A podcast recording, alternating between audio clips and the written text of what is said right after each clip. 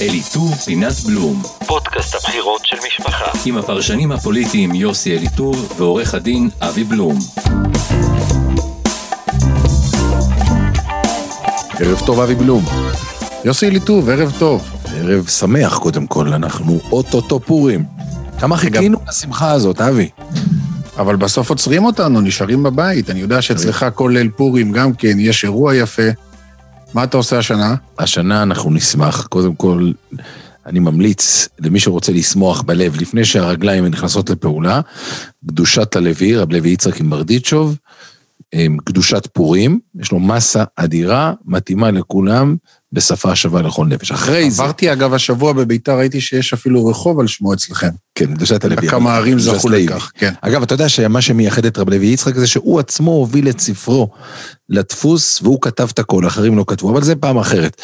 אמ, נלמד, נשמח, נרקוד, ולא נשחק גם עם הכללים, אתה יודע, בכל זאת, אנחנו מסיימים ולא את תארח אף אחד אצלך. בליל פורים. זה, זה אל תביך אותי בבעיות עכשיו, אבל אני מבקש. מה, אנחנו בנשף הסרת לא. המסכות. אומרים בוא, בוא. לפוליטיקאים, נתחיל מאיתנו. אז אתה יודע מה? אין תגובה. טוב. יפה, אני ביטלתי אצלי. כל שנה אני עושה בליל אני- פורים, אני- ביטלתי. אני- אוקיי. זה אני כנראה לא- הולך אני להיות לא- הפורים אני הכי לא- זול שהיה לי אי פעם. אני לא אעשה נשף, אבל בסדר, יש גם סעודות ודברים אחרים, הכל יהיה בסדר. אני חייב לספר לך בקטנה, לפני. שלוש שנים יצא לי להיות בפורים, בליל פורים, בטוקיו בבית חב"ד. וואו. ואז שאלו אותי אחר כך על הפורים, אמרתי, תשמעו, ב...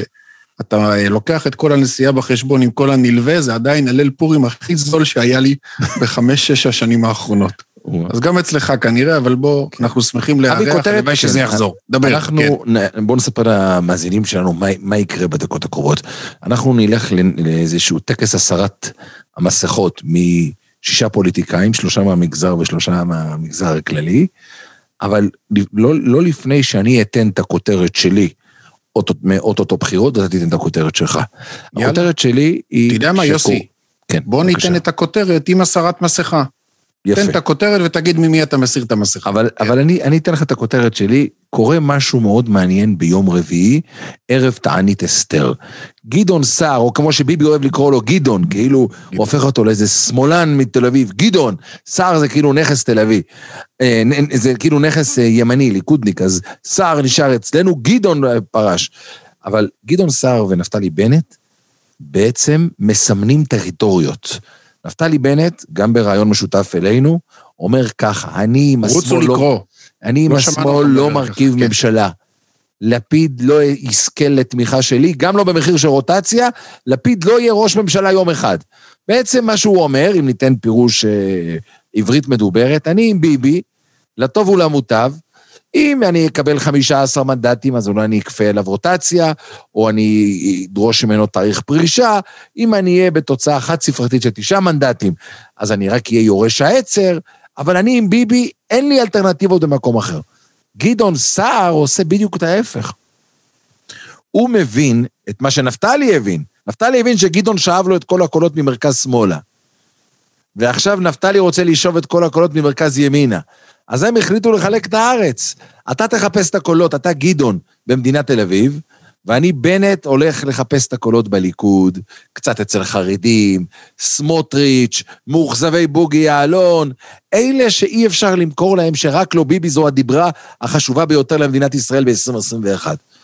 ולכן, כששניהם יוצאים ביום אחד בהצהרה כזאת, ציפור קטנה לוחשת לי שיש פה איזשהו תיאום סמוי. אתה תחפש שם, אני אחפש כאן, לך תדע אם בסוף אולי נשלב ידיים יחד.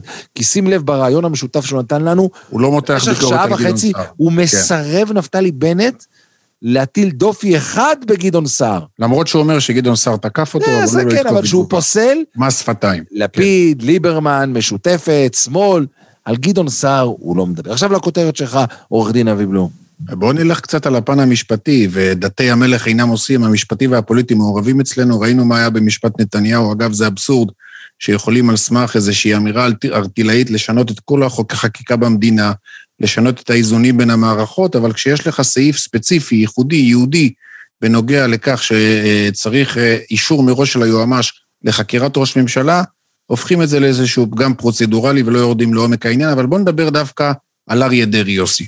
אתה זוכר, אמרנו כאן שהשימוע היה לפני הבחירות, מתחת לרדאר הוא התקיים אתמול, ביום רביעי, ואני אומר לך שעורכי הדין של דרעי יצאו עם תחושה טובה. בסוף הם, מלכתחילה הם חשבו שעצם זה שמנדלבליט רשם את זה בצורה כזאת, שהוא אומר, אני עדיין לא החלטתי ואני מחכה לשימוע, והוא הלך רק על העניין של המיסוי, והוא הוריד את כל העניין של אה, העבירות החמורות יותר, והוא הדגיש את זה. הוא אמר שהוא שר החשד לשחיתות, הם ראו בזה סימן לברכה. אבל כאן בוא נגיד שיש הערת אזהרה, והנה סיפור שלא סופר. בבקשה. שהסתיים השימוע בתיק 4000.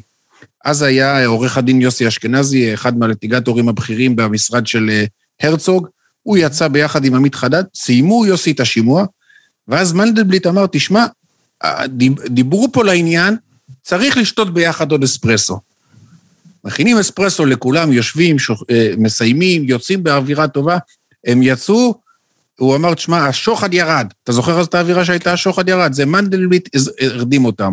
אמר לי השבוע מישהו בפרקליטות, שלא, אה, אתה יודע, אנחנו בעניין של פורים, ונהפוך הוא, שלא יופתעו אם מנדלבליט יתהפך עליהם, ולמרות כל הסימנים המקדימים, בסוף הוא יחליט אחרת.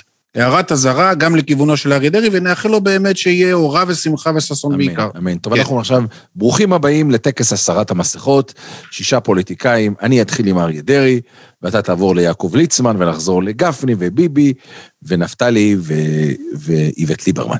אבל בואו נתחיל קודם כל עם אריה דרעי. תגידי, כשאריה דרעי מחבק את ביבי עד זוב דם, כמה באמת אריה באמת אוהב אותו, וכמה זה נועד לצורכי גיוס קולות. ובמילים אחרות, מה באמת קורה בין השניים? האם יש שם חברות אמיתית כמו שדרעי אומר, או שזה ככה ככה? אז אני אספר לך אמ, עדות מתוך בלפור, שהיא נאמרה לגבי אריה דרעי, אבל היא משליכה על כולם. משהו אקטואלי ככה כן, מהתקופה כן. האחרונה? אחד האנשים שצבר הכי הרבה שעות עם נתניהו, הוא אמר לי את המילים, את המשפט הבא: כולכם מפספסים את נתניהו. לנתניהו יש רגש רק לאדם וחצי, לרעייתו וקצת לבנו. מעבר לכך, כולם רק אצלו... אחד, רק אחד הבנים, ידעתי שלבת כן. אין, אין לו לא, רגש, אבל גם... ו... אבל מעבר לכך... זה הבן שעזב את בלפור? כן, כן. מעבר לכך, כולם אצלו פליירים בארגז כלים. זאת אומרת, זה לא שאם עבדת אצלו 15, 15 שנים ואחר כך נעלמת, אז איך הוא שכח ממך? הוא מלכתחילה לא זכר אותך. הוא אומר ככה, נתניהו הוא גאון, הוא רואה משימות מולו, הוא לא רואה אנשים. גם כשהוא יושב עם אריה דרעי, הוא רואה עכשיו פר משימה, אני צריך את אריה דרעי, שלא ילך עם ליברמן, שלא יחפש לי אלטרנטיבות אחרות. אין שם רגש. אם הוא ילך אחרי שנה, והוא יראה את דרעי ברחוב נופל, הוא לא ייתן לו יד לקום אם הוא לא רלוונטי בשבילו. הוא אומר לי, גם אריה, אומר, זה היה מצד ביבי כל השנים, אותו, אותו בלפוריסט אומר לי. אבל הוא אומר לי, גם אריה דרעי כבר הבין את זה. אריה דרעי, הוא אומר לי, יש תקופות שהוא מחפש את נתניהו, והוא לא בדיוק זמין לו תמיד. וגם כאן יש נוסחה מעניינת. אריה דרעי מבין היום שהמילה חברות ונאמנות, ואני בשבילך ואתה בשבילי, זה לא בית מדרש של נתניהו. נתניהו קם כל בוקר מחדש. מישהו צריך, זה האיש שהוא מפנה אליו את התשומת לב. מישהו לא זקוק לו, הוא לא צריך לשכוח אותו, כי הוא לא זכר אותו. לכן היחסים ביניהם מפוקחים, תנקו את כל מילות האהבה והרוממות, אין שם אהבה. יחסים אינטרסנטיים, כל בוקר נבחנים מחדש. עכשיו יעקב ליצמן, אבי. יעקב ליצמן, שמע, הרבה מסכות היו ליעקב ליצמן. אני רוצה להגיד לך, אבל דווקא בפורים הזה, הוא לכאורה יצא מכל האירוע של יהדות התורה המפסיד הגדול. הפסיד את מקום שתי, את, את המקום הראשון, הוא רצה לכאורה את ועדת הכספים. אגב, י, אה, יוסי, יודע שלגבי ליצמן גם צריכה ליפול הכרעה בקרוב לגבי כתב האישום בעניינו. וגם שם זה לא פשוט ויש רמזים מכיוון היועמ"ש, אני מקווה שאף אחד כאן לא, יאוחז, לא יצא מאוכזב. לא אצל דרעי ולא אצל ליצמן, שניהם נזהרים בכבודו. אבל אני רוצה לקחת אותך לכיוון ההפוך. תראה, שנה אחורה, יוסי, ליצמן נמצא במצב לא פשוט. יש לו מישהו שקורא עליו תיגר בתוך הכנסת, mm-hmm. שזה אליהו חסיד, שתפס גובה. אתה יודע, כשיש עוד חבר כנסת שמסתובב במסדרונות, ויש עוד מישהו שבא לתת אה, דין וחשבון, אז בסוף אתה לא השליח הישיר. זה דבר אחד. דבר שני, הוא היה אחרי הקורונה חלש מאוד, מי שיודע, כמעט והתקשה לתפקד, וקראו עליו תיגר מתוך אגודת ישראל. אני חושב שאם אתה מוריד את המסכות באגודה, עם כל מה שניסו בפנים. אתה יודע הרי שרצו למנות שר שמקורב לחסידות גור, אני לא חושב שהדבר הזה יתפרסם. הוא היה בחו"ל באותה תקופה, הוא בנו של חבר כנסת לשעבר באגודה, וכבר היה כמעט מנוי וגמור למנות אותו לשר, ואם ליצמן למד משהו מנתניהו שאותו הזכרת, זה שברגע האמת אין אצלו כבוד, אתה צריך לפעמים להכניס את הידיים לתוך הבוץ, לבוא, איך אומרים, להתחנן על נפשו, אומרים במגילה, לעשות את זה כמו שצריך, הוא יוצא מכל הסיטואציה הזאת, שהיה לו מקום שתיים שאותו הצליח איכשהו לנפות, והוא כבר לא ברשימה, מה שנראה לכאורה להפסד. לא בטוח שבשביל ליצמן זה הפסד. והעניין הזה שהוא בסוף נשאר מלא מלא במשרד השיכון, עם המצב הבריאותי שקצת הוטב, אם מורידים את המסכה, למרות ההפסד, הוא יוצא בכלל לא רע. יפה, עכשיו נדבר על משה גפני. משה גפני זה לכאורה הווינר של השנה האחרונה. מה הוא לא קיבל? ראשות רשימה, ראשות ועדת כספים, מה שהוא רצה יש לו, וכשאתה שואל אותו, מה דעתך על כל הצעירים שמשחיזים סכינים מאחוריך, הוא אומר, הצעירים? אני רק לומד מהם. אז בואו נדבר דקה על הצעירים ומשה גפני. משה גפני יודע את האמת המרה, שכל איש ותיק במערכת יודע, שיורשי העצר הללו, אם זה יצחק פינדרוס, יעקב אשר, אורי מקלב, יעקב גוטרמן במובן מסוים, הם מתחממים כבר על המגרש יותר מדי זמן. וקרוב היום, שהנכ... נתפסים להם השרירים כבר. כן, קרוב היום שהנכדים והמשמשים בחצרות, וכל מי שיש לו מה לומר בדגל התורה, יגידו לרב משה, הרב משה, הרב גפני, עשית המון המון המון, אין כמוך, אבל החלטנו לעשות סוויץ' ולעבור לדור הבא. גפני יודע את זה, הוא מחליט להרוג במרכאות את היורשים שלו בהרבה הרבה דבש וחמאה. לחבק אותם, לתת להם הרבה כבוד, אבל בסוף בסוף הוא יודע שיש יהודי אחד שקוראים לו רבי ינקי קנייבסקי, ונכון לחג הפורים תשפ"א, הוא האיש שהוא יצטרך להסתדר איתו. אז נכון, הפעם הוא ניצל. מה פירוש ניצל? שמו אותו למעלה למעלה, אבל סימנו לו את הלמטה, את היורש. אמרו לו, אתה הכי גבוה. אבל יש אחד יצחק פינדרוס למטה, הוא האיש שהחצרות והאנשים הקובעים בדגל התורה רוצים אותו עכשיו. אז תדע לך, הפעם נרקוד איתך, נעשה איתך את הככה יעשה לאיש המלך הכי יפה שעשינו איתך מ-88. אבל בפעם הבאה, אתה תצטרך איכשהו למצוא את הדרך, איך, אה, איך נגיד את זה? עלית כיתב לא בבית ספרנו, בפרידה הכי, הכי מכובדת. אני עוד מילה בנימין... לעניין הזה, רגע, יוסי, עוד מילה לעניין הזה.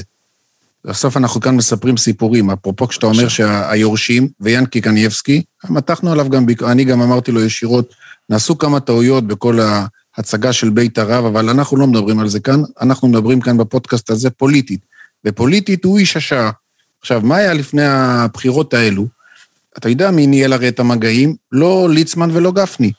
אה, מוטי בבצ'יק, ביחד עם חנוך זייברט, הם הגיעו לפגוש את ינקי קנייבסקי. עכשיו, כשהם מגיעים, את מי מתפלאים לראות? הם, הם מתפלאים לראות את מוטי פלאי, הנכד של uh, מרן רב גרשון. הם לא הבינו, הם הרי כן. היו בטוחים שהם משחקים בין שתי החצרות, אומרים לזה ככה ולזה, הם פתאום רואים את שניהם כאיש אחד, שמוטי בעצם מקבל עליו את המרות של ינקי, אם אפשר לומר את זה ככה, אנחנו יכולים לדבר פוליטית, כי גם הם ניהלו מהלכים פוליטיים. והסיפור הזה, כמו שאתה אומר, של קנייבסקי, אני חושב שזו המסכה הכי גדולה שאפשר להסיר, כי הוא בעצם הבעל הבית היום של דגל התורה, לא רק ברמה של הוא מביא את דבר ההנהגה הרוחנית, אלא פוליטית. הוא ניצל את הקונסטלציה הזאת עד הסוף, את הסיטואציה הזאת, והוא היום גם במגעים הפוליטיים, הבעל הבית של דגל התורה, בנימין. בנימין נתניהו. כמה שהוא... מסכות יש לאיש? אז תקשיב. אלף כשהוא מסכות. אומר, כשהוא אומר היום, אבי בלום, את המשפט הבא, אני לא מקים ממשלה עם אף אחד, לא תהיה רוטציה, יהיה ימין על מלא על מלא על מלא. גדעון, נפתלי וכולי. האם הוא מבין שקרוב היום שבו הוא יצטרך לשבת מול נפתלי בנט ולתת לו את הכתובה של אימא שלו כדי להתקרב לבלפור פעם נוספת, ואין ערך לכל המילים שהוא זורק, או שבאמת נתניהו חי באיזה סרט מנותק מהמציאות. מה אתה חושב? תשמע, זה מאוד מעניין. אני, תגיד לי אם הבנת אחרת. אני הבנתי מבנט, למרות שהוא לא אמר את זה. אבל מביבי אני מדבר עכשיו, עזוב את בנט. אבל נתחיל עם בנט. אני מבין okay. אוקיי. מבנט שאם יציעו לו רוטציה, אם ביבי יציע לו רוטציה, הוא ילך גם לחוק צרפתי. אתה מסכים איתי? כן. אוקיי. עכשיו, אם באים לביבי... אגב, לא רק, בחבילה- השאלה אם, השאלה אם איזה רוטציה. מה יהיה אם בנט יגיע לנתניהו ויגיד לו, קח חוק אני ראשון." צרפתי, אבל אני ראשון כראש ממשלה. זו השאלה הגדולה. וואי, אם יציעו לו את. החבילה הזאת, בעצם להסיר את המשפט מסדר היום, כי תשמע, בסוף זה קורלס, המשפט כבר נמצא בשלב ההוכחות, קשה לראות איך עושים את זה, אבל אולי, אם, תשמע, שאלנו אותו, יוסי, בואו נחשוף את זה קצת קודם, אולי מי שכבר אה, שומע אותנו קרא את זה. שאלנו אותו שאלת מפתח, האם צריך לפטר את היועץ המשפטי לממשלה? בואו נגיד שהוא לא שלל, הוא אמר שצריך להחליף את המערכת, וזו שאלת מפתח, כי יועץ משפטי, וזו הדרך הכי קלה לעצור את המשפט.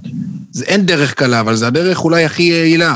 יותר מחוק צרפתי, יועץ משפטי Mhm. חדש שמתמנה, אומר, נעשו כאן מחדלים, נעשו כאן משגים, אני יוצר, את המש... אני יוצר את המשפט, הוא יכול בכל שלב לעצור את המשפט. אם בנט מביא את זה לנתניהו, תשמע, זו תהיה דילמה... עכשיו, בוא נגיד מילה אחרונה על ביבי. מי שחושב שהאיש רץ עם תוכנית לאלף שלבים קדימה, לא מכיר אותו. הטווח שלו, אמר לנו בשעתו עזריאל אטיאס עוד ב-2015, הטווח שלו זה חודש, חודשיים קדימה, והוא משחקן השש-בש הכי טוב שיש. הוא משחק על הטווח הקצר הכי טוב שיש, וכל פעם קונה עוד זמן קצר. כשתהיה לפניו הדילמה הזאת, אני לא יכול להגיד לך במה הוא יבחר, אתה יודע מה? תגיד אתה. אז אני יפה, לא אז- יודע אז, במה אז, הוא אז יבחר. אנחנו דיברנו על נתניהו ודיברנו על, על uh, בנט ודיברנו על ליצמן, גפני ודרעי, מי שכחנו? ועכשיו אני רוצה לדבר איתך על איווט ליברמן ולהביא לך סנסציה, והסנסציה הזאת היא לא פורימית. אתה פגשתי יודע... אותו שבוע שעבר, אתה יודע? כן, את, מה, נו, איך הייתה הפגישה? הוא לא מדבר, כשהוא בשיחות סגורות הוא מדבר פחות נורא על החרדים, ובוא נגיד, כשאני אמרתי לו, דרעי אמר, שאם הוא עכשיו מרים לך טלפון, כן, האמירה של דרעי מלפני שבועיים, ואומר לך, איווט, עזוב אותך מהשטויות, בוא, נ, בוא נפיל את ביבי ביחד. הוא שוכח באותו רגע את כל השיח שלו נגד החרדים, בוא נגיד שהוא לא ענה תשובה ברורה והוא אמר זה לא נכון. אז אני אתן את הסקופ הבא, אבי בלום. איווט ליברמן לפני חודשיים בדק אפשרות להגיע לאיזשהו סוג של פיוס עם אריה דרעי וש"ס. כשאני מדבר פיוס זה פיוס פוליטי, כי לא מעניין אותנו אם הם שותים משהו, אוכלים משהו או לא. אני מדבר, אני מדבר איתך עכשיו על, על, על עסקה. הוא שלח דמות מוכרת לאריה דרעי עם סוג של הצעה מה מתווה הפיוס שיכול להיות בין שתי המפלגות. אני חייב לומר לך שאריה דרעי לא שמע את ההצעה. כשאני אומר לך לא שמע זה כאילו, אוקיי, האדון הגיע, בסדר, נדבר פעם אחרת. ואני אסביר לך למה איווט עשה את זה ולמה דרעי גלגל אותו באלגנטיות. איווט ליברמן מבין שהוא הולך עוד פעם להיקלע לאיזשהו מקום שאין משמעות למנדטים שלו. וזה קורה פעם אחר פעם, גם עכשיו. אם הם לא מצליחים להוריד את נתניהו מהשלטון, והחרדים סגורים עם ביבי, והוא מבין כבר שהחרדים והביבי זה, זו דבוקה אחת. אז אין, אין, אין לו דרך להישאר כאן, להיות רלוונטי. האיש הולך ומזדקן. השערות שלו, אתה ראית אותו השבוע, איך הוא נראה. באמת, זה לא איווט של פעם. עוד חודש ועוד חודשיים ועוד שלוש. כמה אפשר לשבת בתל בכנסת ולהפיק כל מיני סרטונים מטורללים, ממש על גבול האנטישמיות, אנטי, אנטי חרדים, את מי זה מעניין? מי הקליינטורה שלו? הרי אלה ששונאים חרדים, יש לו כה. זה שישה, שבעה מנדטים, הם ילכו איתו הלאה. אבל אם אין ממשלה, אז המנדטים האלה לא שווים כלום, וליברמן נשאר לשבת על הספסל, ופתאום הוא מבין שהקצר שלו עם החרדים, זו בעיקר תאונה עצמית לעצמו, החרדים יודעים להסתדר בקונסטלציה פוליטית, אבל מה איתו? אז פריסת השלום של ליברמן נענתה בשתיקה מוחלטת מצד דרעי. אגב, אני לא בטוח שאיווט כל כך מתוסכל. למה? בוא, הוא... תתווכח איתי קצת. אני התרשמתי ממנו שלראשונה בחייו, הוא מרגיש במקום הטבעי. הרי אנחנו בסוף יודעים שהציבור הרוסי הוא מאוד אנטי, והמצביעים שלו, הם תמיד הרי היה לו קונפליקטים עם ברית הזוגיות, ועם כל החקיקה שבעצם לא מאפשרת, הנוכחית, שלא מאפשרת לעולים להתחתן. אתה יודע, הוא כבר עשה את תפקיד שר הביטחון, היה בכל התפקידים, יש לו משימה אחת, להעיף את ביבי, משהו באמת מהאגו עד הסוף, והעניין הזה של לשבת שוב פעם סביב שולחן הממשלה, לא יודע כמה זה, ב, לא יודע כמה זה בוער לו. אני לא מכיר... אותו כביכול, אני לא מכיר כמי שקצת הרבה... נהנה מהסיטואציה, אבי... למרות שאני מסכים איתך, שהוא לא מצליח במשימה המרכזית שהוא הציב, וזה לגלגל את נתניהו מכל המדרגות. אבי, אבל מעבר לזה שהוא לא מצליח לגלגל את נתניהו, האדם הזה צריך לתחזק אנשים. אנשים אתה יכול לפרנס נכון. בממשלות, במשרדי ממשלה, בתפקידים, מה יש לו? כל הכוורות האדירות הללו שהוא פיזר בכל משרדי הממשלה, הוא הולך לך בשולי הדרך, חסר משמעות. יש לי סיפור לסיום. אגב, ובעיקר כן. מפיץ כל כך הרבה ארז ושנאה. ועזוב אותך, זה לא איווט האמיתי. אני הייתי בבית שלו כמה פעמים, בימים הטובים של פעם, שהוא עוד היה בן ברית. אתה יודע איזה איש שיחה, הוא איש מעניין, אוהב להכיר אנשים. לא, לא נחשפתי לכ- לכזו כמות של ארז ורעל. הארז והרעל האלה הם בעיקר תסכול לבן אדם שנתקע על המסלול ולא מצליח לעשות עם עצמו כלום. אני זוכר שהוא שאל אותך פעם, נוקדים או אלנבי? היה קודים, נוקדים אתה הולך, ואלנבי היה שם איזה פאב שהוא פתוח בשבילו, בתוך איזה חדר הוא יושב שם, ומקבל שם את הקהל כמו דון אבי, קרליאוני אבי, אני חייב לספר לך משהו לסיום אני מעניין, אבל אעשה לפני, כן. שאתה תספר את הסיפור יש לי שלך, גם אני סיפור, תתחיל אני אתה, אספר את כן, הסיפור על שלי. איווט, כן. כן. אני פעם ראשונה בחיים הכרתי את איווט ליברמן בפגישה ב-2000 בערך, בגינה של מלון קינג דיוויד בירושלים. ישבתי לכוס קפה עם איש העסקים החרדי, חיים ינקל ליבוביץ', מי שנקרא היה אז האיווט של החרדים.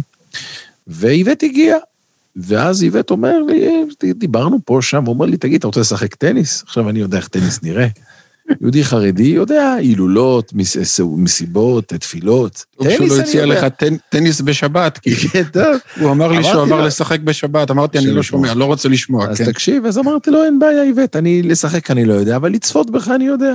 בסדר. אז ירדתי איתו למגרש שנמצא שמאלית, משמאל לגינה של מלון קינג דיוויד במלך דוד בירושלים. במשך שעה, בא, בא, שיחק. חיים ינקל הוא סיפר, הוא שיחק. לא, ואני וחיים ינקל עומדים בצדדים, והוא אומר את הבדיחות שלו, ובובקז, וכל מיני מילים ביידיש, והכל יפה עם כל ההומור שלו, אבל הוא עבד קשה. ואני זוכר פעם ראשונה, אמר, אמרתי אז אה, לליבוביץ', אחרי שסיימתי, אמרתי לו, תקשיב, יש בתוך הגוף הגדול הזה והאימתני, נפש עדינה של יהודי שהוא הסתבך קצת בחיים כאן, הגיע לארץ, והוא כבר לא יודע מה הוא ומי הוא. בחור כזה לא מאורגן, הוא מחפש את עצמו, הוא מחפש גיבוי, תמיכה, אהבה. אגב, עד היום הוא נראה לי כזה. כמה שהוא גדל והזדקן, ונהיה כזה דוקרני ועוקצני. איך קראו לאדמו"ר שלו? הוא אמר לי... הרבי. מריבניץ, מריבניץ. הוא אמר שעד עכשיו תלויה התמונה שלו אצלו בבית. אז מה הסיפור שלך, ליבט תביא? הסיפור שלי, כשאתה אמרת שיש לו פיות להכין, נזכרתי בסיפור כזה. מעשה באישיות חרדית בכירה, שקידם איזשהו מסע התרמה לגוף שחביב עליו. והם פנו גם לאיווט. עכשיו, איווט תמיד ידע להכניס את היד לכיס ולשלם כמו שצריך, לתת כמה אלפיות. איווט מתחמק. מקבל טלפון, אומר, תגיד, מה אתה מתחמק? מתחמק, לא עונה. פוגש אותו אחרי שבועיים, אומר לו, תגיד, מה קורה? הוא אומר לו, אתה לא מבין מה קורה. אתה רואה את כל השיירה הזאת? והוא לא אמר מה, אבל אנחנו יכולים להסביר, השיירה זה השיירה של החבר'ה שהולכים עם כתבי אישום, ואף אחד מהם לא הסגיר מילה. הוא אומר, אני לא יודע מה יש לעמותה הזאת לפרנס, אבל אתה יודע כמה פיות אני צריך להאכיל. וזה אגב הסוד שהוא יוצא מכל הפרשיות נקי, כמעט חוץ מאז דני אילון, אף אחד לא פותח פה, כי אנשים לא נשארים רעבים, כמו שאולמרט השאיר את שולה זקן ואחרים. אז אתה יודע, אפרופו פתחנו עם כתבי אישום, יפה. ומסיימים באותו עניין. אבי בלום, אנחנו צריכים לסיים בפורים ובזה ורטל. אז אני אביא הפעם ורטל מהרבי מלובביץ', חג הפורים בפתח. הרבי מלובביץ' שואל שאלה מאוד מהירה ומעניינת שלא שמתי לב אליה עד היום. הוא שאל אותה, אגב, בפורים 1966, והשאלה אומרת ככה, כשמרדכי מדרבן את אסתר לעשות את מה שהיא צריכה לעשות עם המלך אחשורוש, אז מה הוא אומר לה? אם לא תעשי, את ובית אביך תאבדי, ומי יודע אם לעת הזאת הגעת למלכות. שואל הלובביצ'ר שאלה בהבנת הטקסט, הוא אומר ככה, קודם כל מה צריך להגיד? מן הקל אל הכבד. מי יודע אם לעת הזאת הגעת למלכות? ואחר כך, ומי יודע גם אם את ובית תאבי- תאבדי. אבל מה, אתה מתחיל עם, ה, עם המוות, עם האבדון, ואחר כך אתה אומר, ומי יודע, אולי בשביל זה הגעת, זה לא מסתדר. אומר הלובביצ'ר וורט מטלטל שהוא קצר, אבל אפשר להעמיק בו המון. אומר ככה, אם יש דבר שהוא גרוע יותר מהמוות ומהאובדן, זה כאשר אדם מכינים לו ייעוד חיים משמיים, והוא, במקום לחיות את החיים שהכינו לו משמיים, הוא חי, חי חיים של אחרים. וכשאדם חי חיים של אחרים ולא את החיים של עצמו, הרי זה גרוע יותר ממוות ואובדן פיזי. ולכן הסדר נקרא ככה, בטקסט נכון. את ובית אביך תאבדי זה קומה ראשונה. הקומה השנייה, הוא מי יודע אם לעת הזאת הגעת למלכות. מששת ימי בראשית הכינו לך, הכינו לך ייעוד מסוים בתקופה הזאת. אם את תניחי לייעוד הזה ותיקחי ייעוד אחר, שיבשת את כל העולמות. האם יש דבר יותר גרוע משהאדם נוטש את החיים שנתנו לו משמיים וחי חיים אחרים? מדהים. אתה יודע מה, אתגרת אותי, אני גם אגיד וורט של הלובביצ'ר. או הולך? מה יגידו, טוב, פתחנו בית חב"ד יגידו, אבל בסדר, נו, נו, למה לא? בבקשה. הרי אנחנו עכשיו גם קרובים לה, אנחנו אומרים שנהיה בבית בפורים כדי שנוכל לחגוג בפסח, אבל השמחה שמתפרצת בפורים היא לאין ארוך ולאין שיעור לעומת מה שקורה בפסח. הלובביצ'ר שם את, האדמו"ר מלובביץ' שם את האצבע על ההבדל בין שני החגים שבהם שניהם היו מהפכים של גאולה. בפסח היה צריך להכריח את פרעה, לכפות עליו, עם עשר מכות, וגם אחרי הוא המשיך לרדוף אחריהם, גם אחרי שהוא שחרר אותם. יש משהו במגילת אסתר, בסיפור של פורים, שהמהפך הוא המהפך פנימי, אחשוורוש נשאר, נשאר אותו אחשוורוש. אף אחד לא הכריח אותו, הוא לא ראה נס גלוי, אף אחד לא כפה עליו. הלב שלו פתאום התהפך. מספרים שהוא שלח להשמיד ולהרוג את היהודים, הוא פתאום הופך אותם למלכי העולם. למה אני מחבר את זה? אפרופו מה שדיברנו על איווט ועל כל הסיטואציה הפוליטית, אנחנו לא בעולם שאנחנו רואים ניסים גלויים. אבל הלוואי, הלוואי שבבחירות הרביעיות האלו משהו יתהפך מתוך עצמו. וזה יהיה גם הנס פורים שלנו, הפורים והפסח ביחד. חג שמח, חברים, אתה יודע, מצוות היום זה שמחה. אנחנו חיכינו כל כך הרבה זמן לשמחה הזאת, הייתה לנו שנה לכולם לא פשוטה. אז יהודים, ת, ת, ת, תצטיידו בדליים ובחביות, ותמלאו שמחה כי זה עת רצון. ואיך כמו שנאמר, אם על המלך טוב, אז זה זמן שבו אפשר לפנות למלך מלכי המלכים, וכל הפושט יד נותנים לו, לא מדקדקים איתו, לא אומרים לו מגיע לך, לא מגיע לך. וכשאדם מגיע עם פנים מאירות ושמחות, הרי הזוהר הקדוש אומר שהוא זוכה לקבל שפע מפנים שמחות משמיים למעלה. אז שנקבל הרבה שפע, נשמח, נגיד הרבה לחיים, נשמור על הכללים, אבל הכי, קש... הכי חשוב, אבי, נשמור על הכלל הזה, להיות בשמחה 24 שעות של עד בלי די והריקותי לכם עד בלי די. ובסוף אנחנו כאן בפודקאסט פוליטי, איך אמר נתניהו? האיש בעל אלף המסכות, לכו להתחפש. לכו להתחפש. פורים שמח. חג שמח, חברים.